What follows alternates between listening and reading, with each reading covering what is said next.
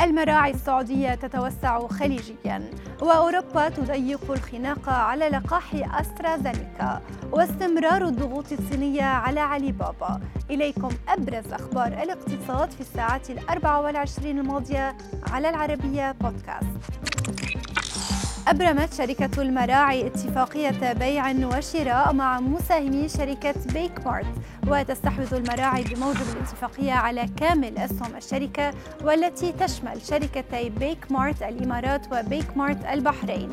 وتبلغ قيمة الصفقة أكثر من 95 مليون ريال وستمول بالكامل من التدفق النقدي التشغيلي لشركة المراعي.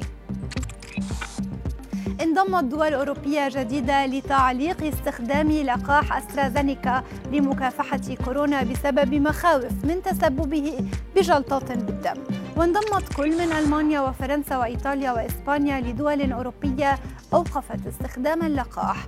من جهتها أكدت شركة أسترازينيكا أنه لا دليل على أن اللقاح يحمل مخاطر متزايدة لحدوث جلطات وهو ما أكدته منظمة الصحة العالمية ووكالة الأدوية الأوروبية. صرحت مصادر لبلومبرغ أن الحكومة الصينية تمارس ضغوطا على مجموعة علي بابا لبيع أصولها في قطاع الإعلام. وبحسب المصادر فإن السلطات الصينية تتخوف من حجم تأثير أصول علي بابا في القطاع الإعلام على الرأي العام. وكان مؤسس مجموعة علي بابا جاك ما هدفا للتضييق من الحكومة الصينية منذ العام الماضي وهو ما نتج عنه وقف اكتتاب الشركة التابعة أنت جروب.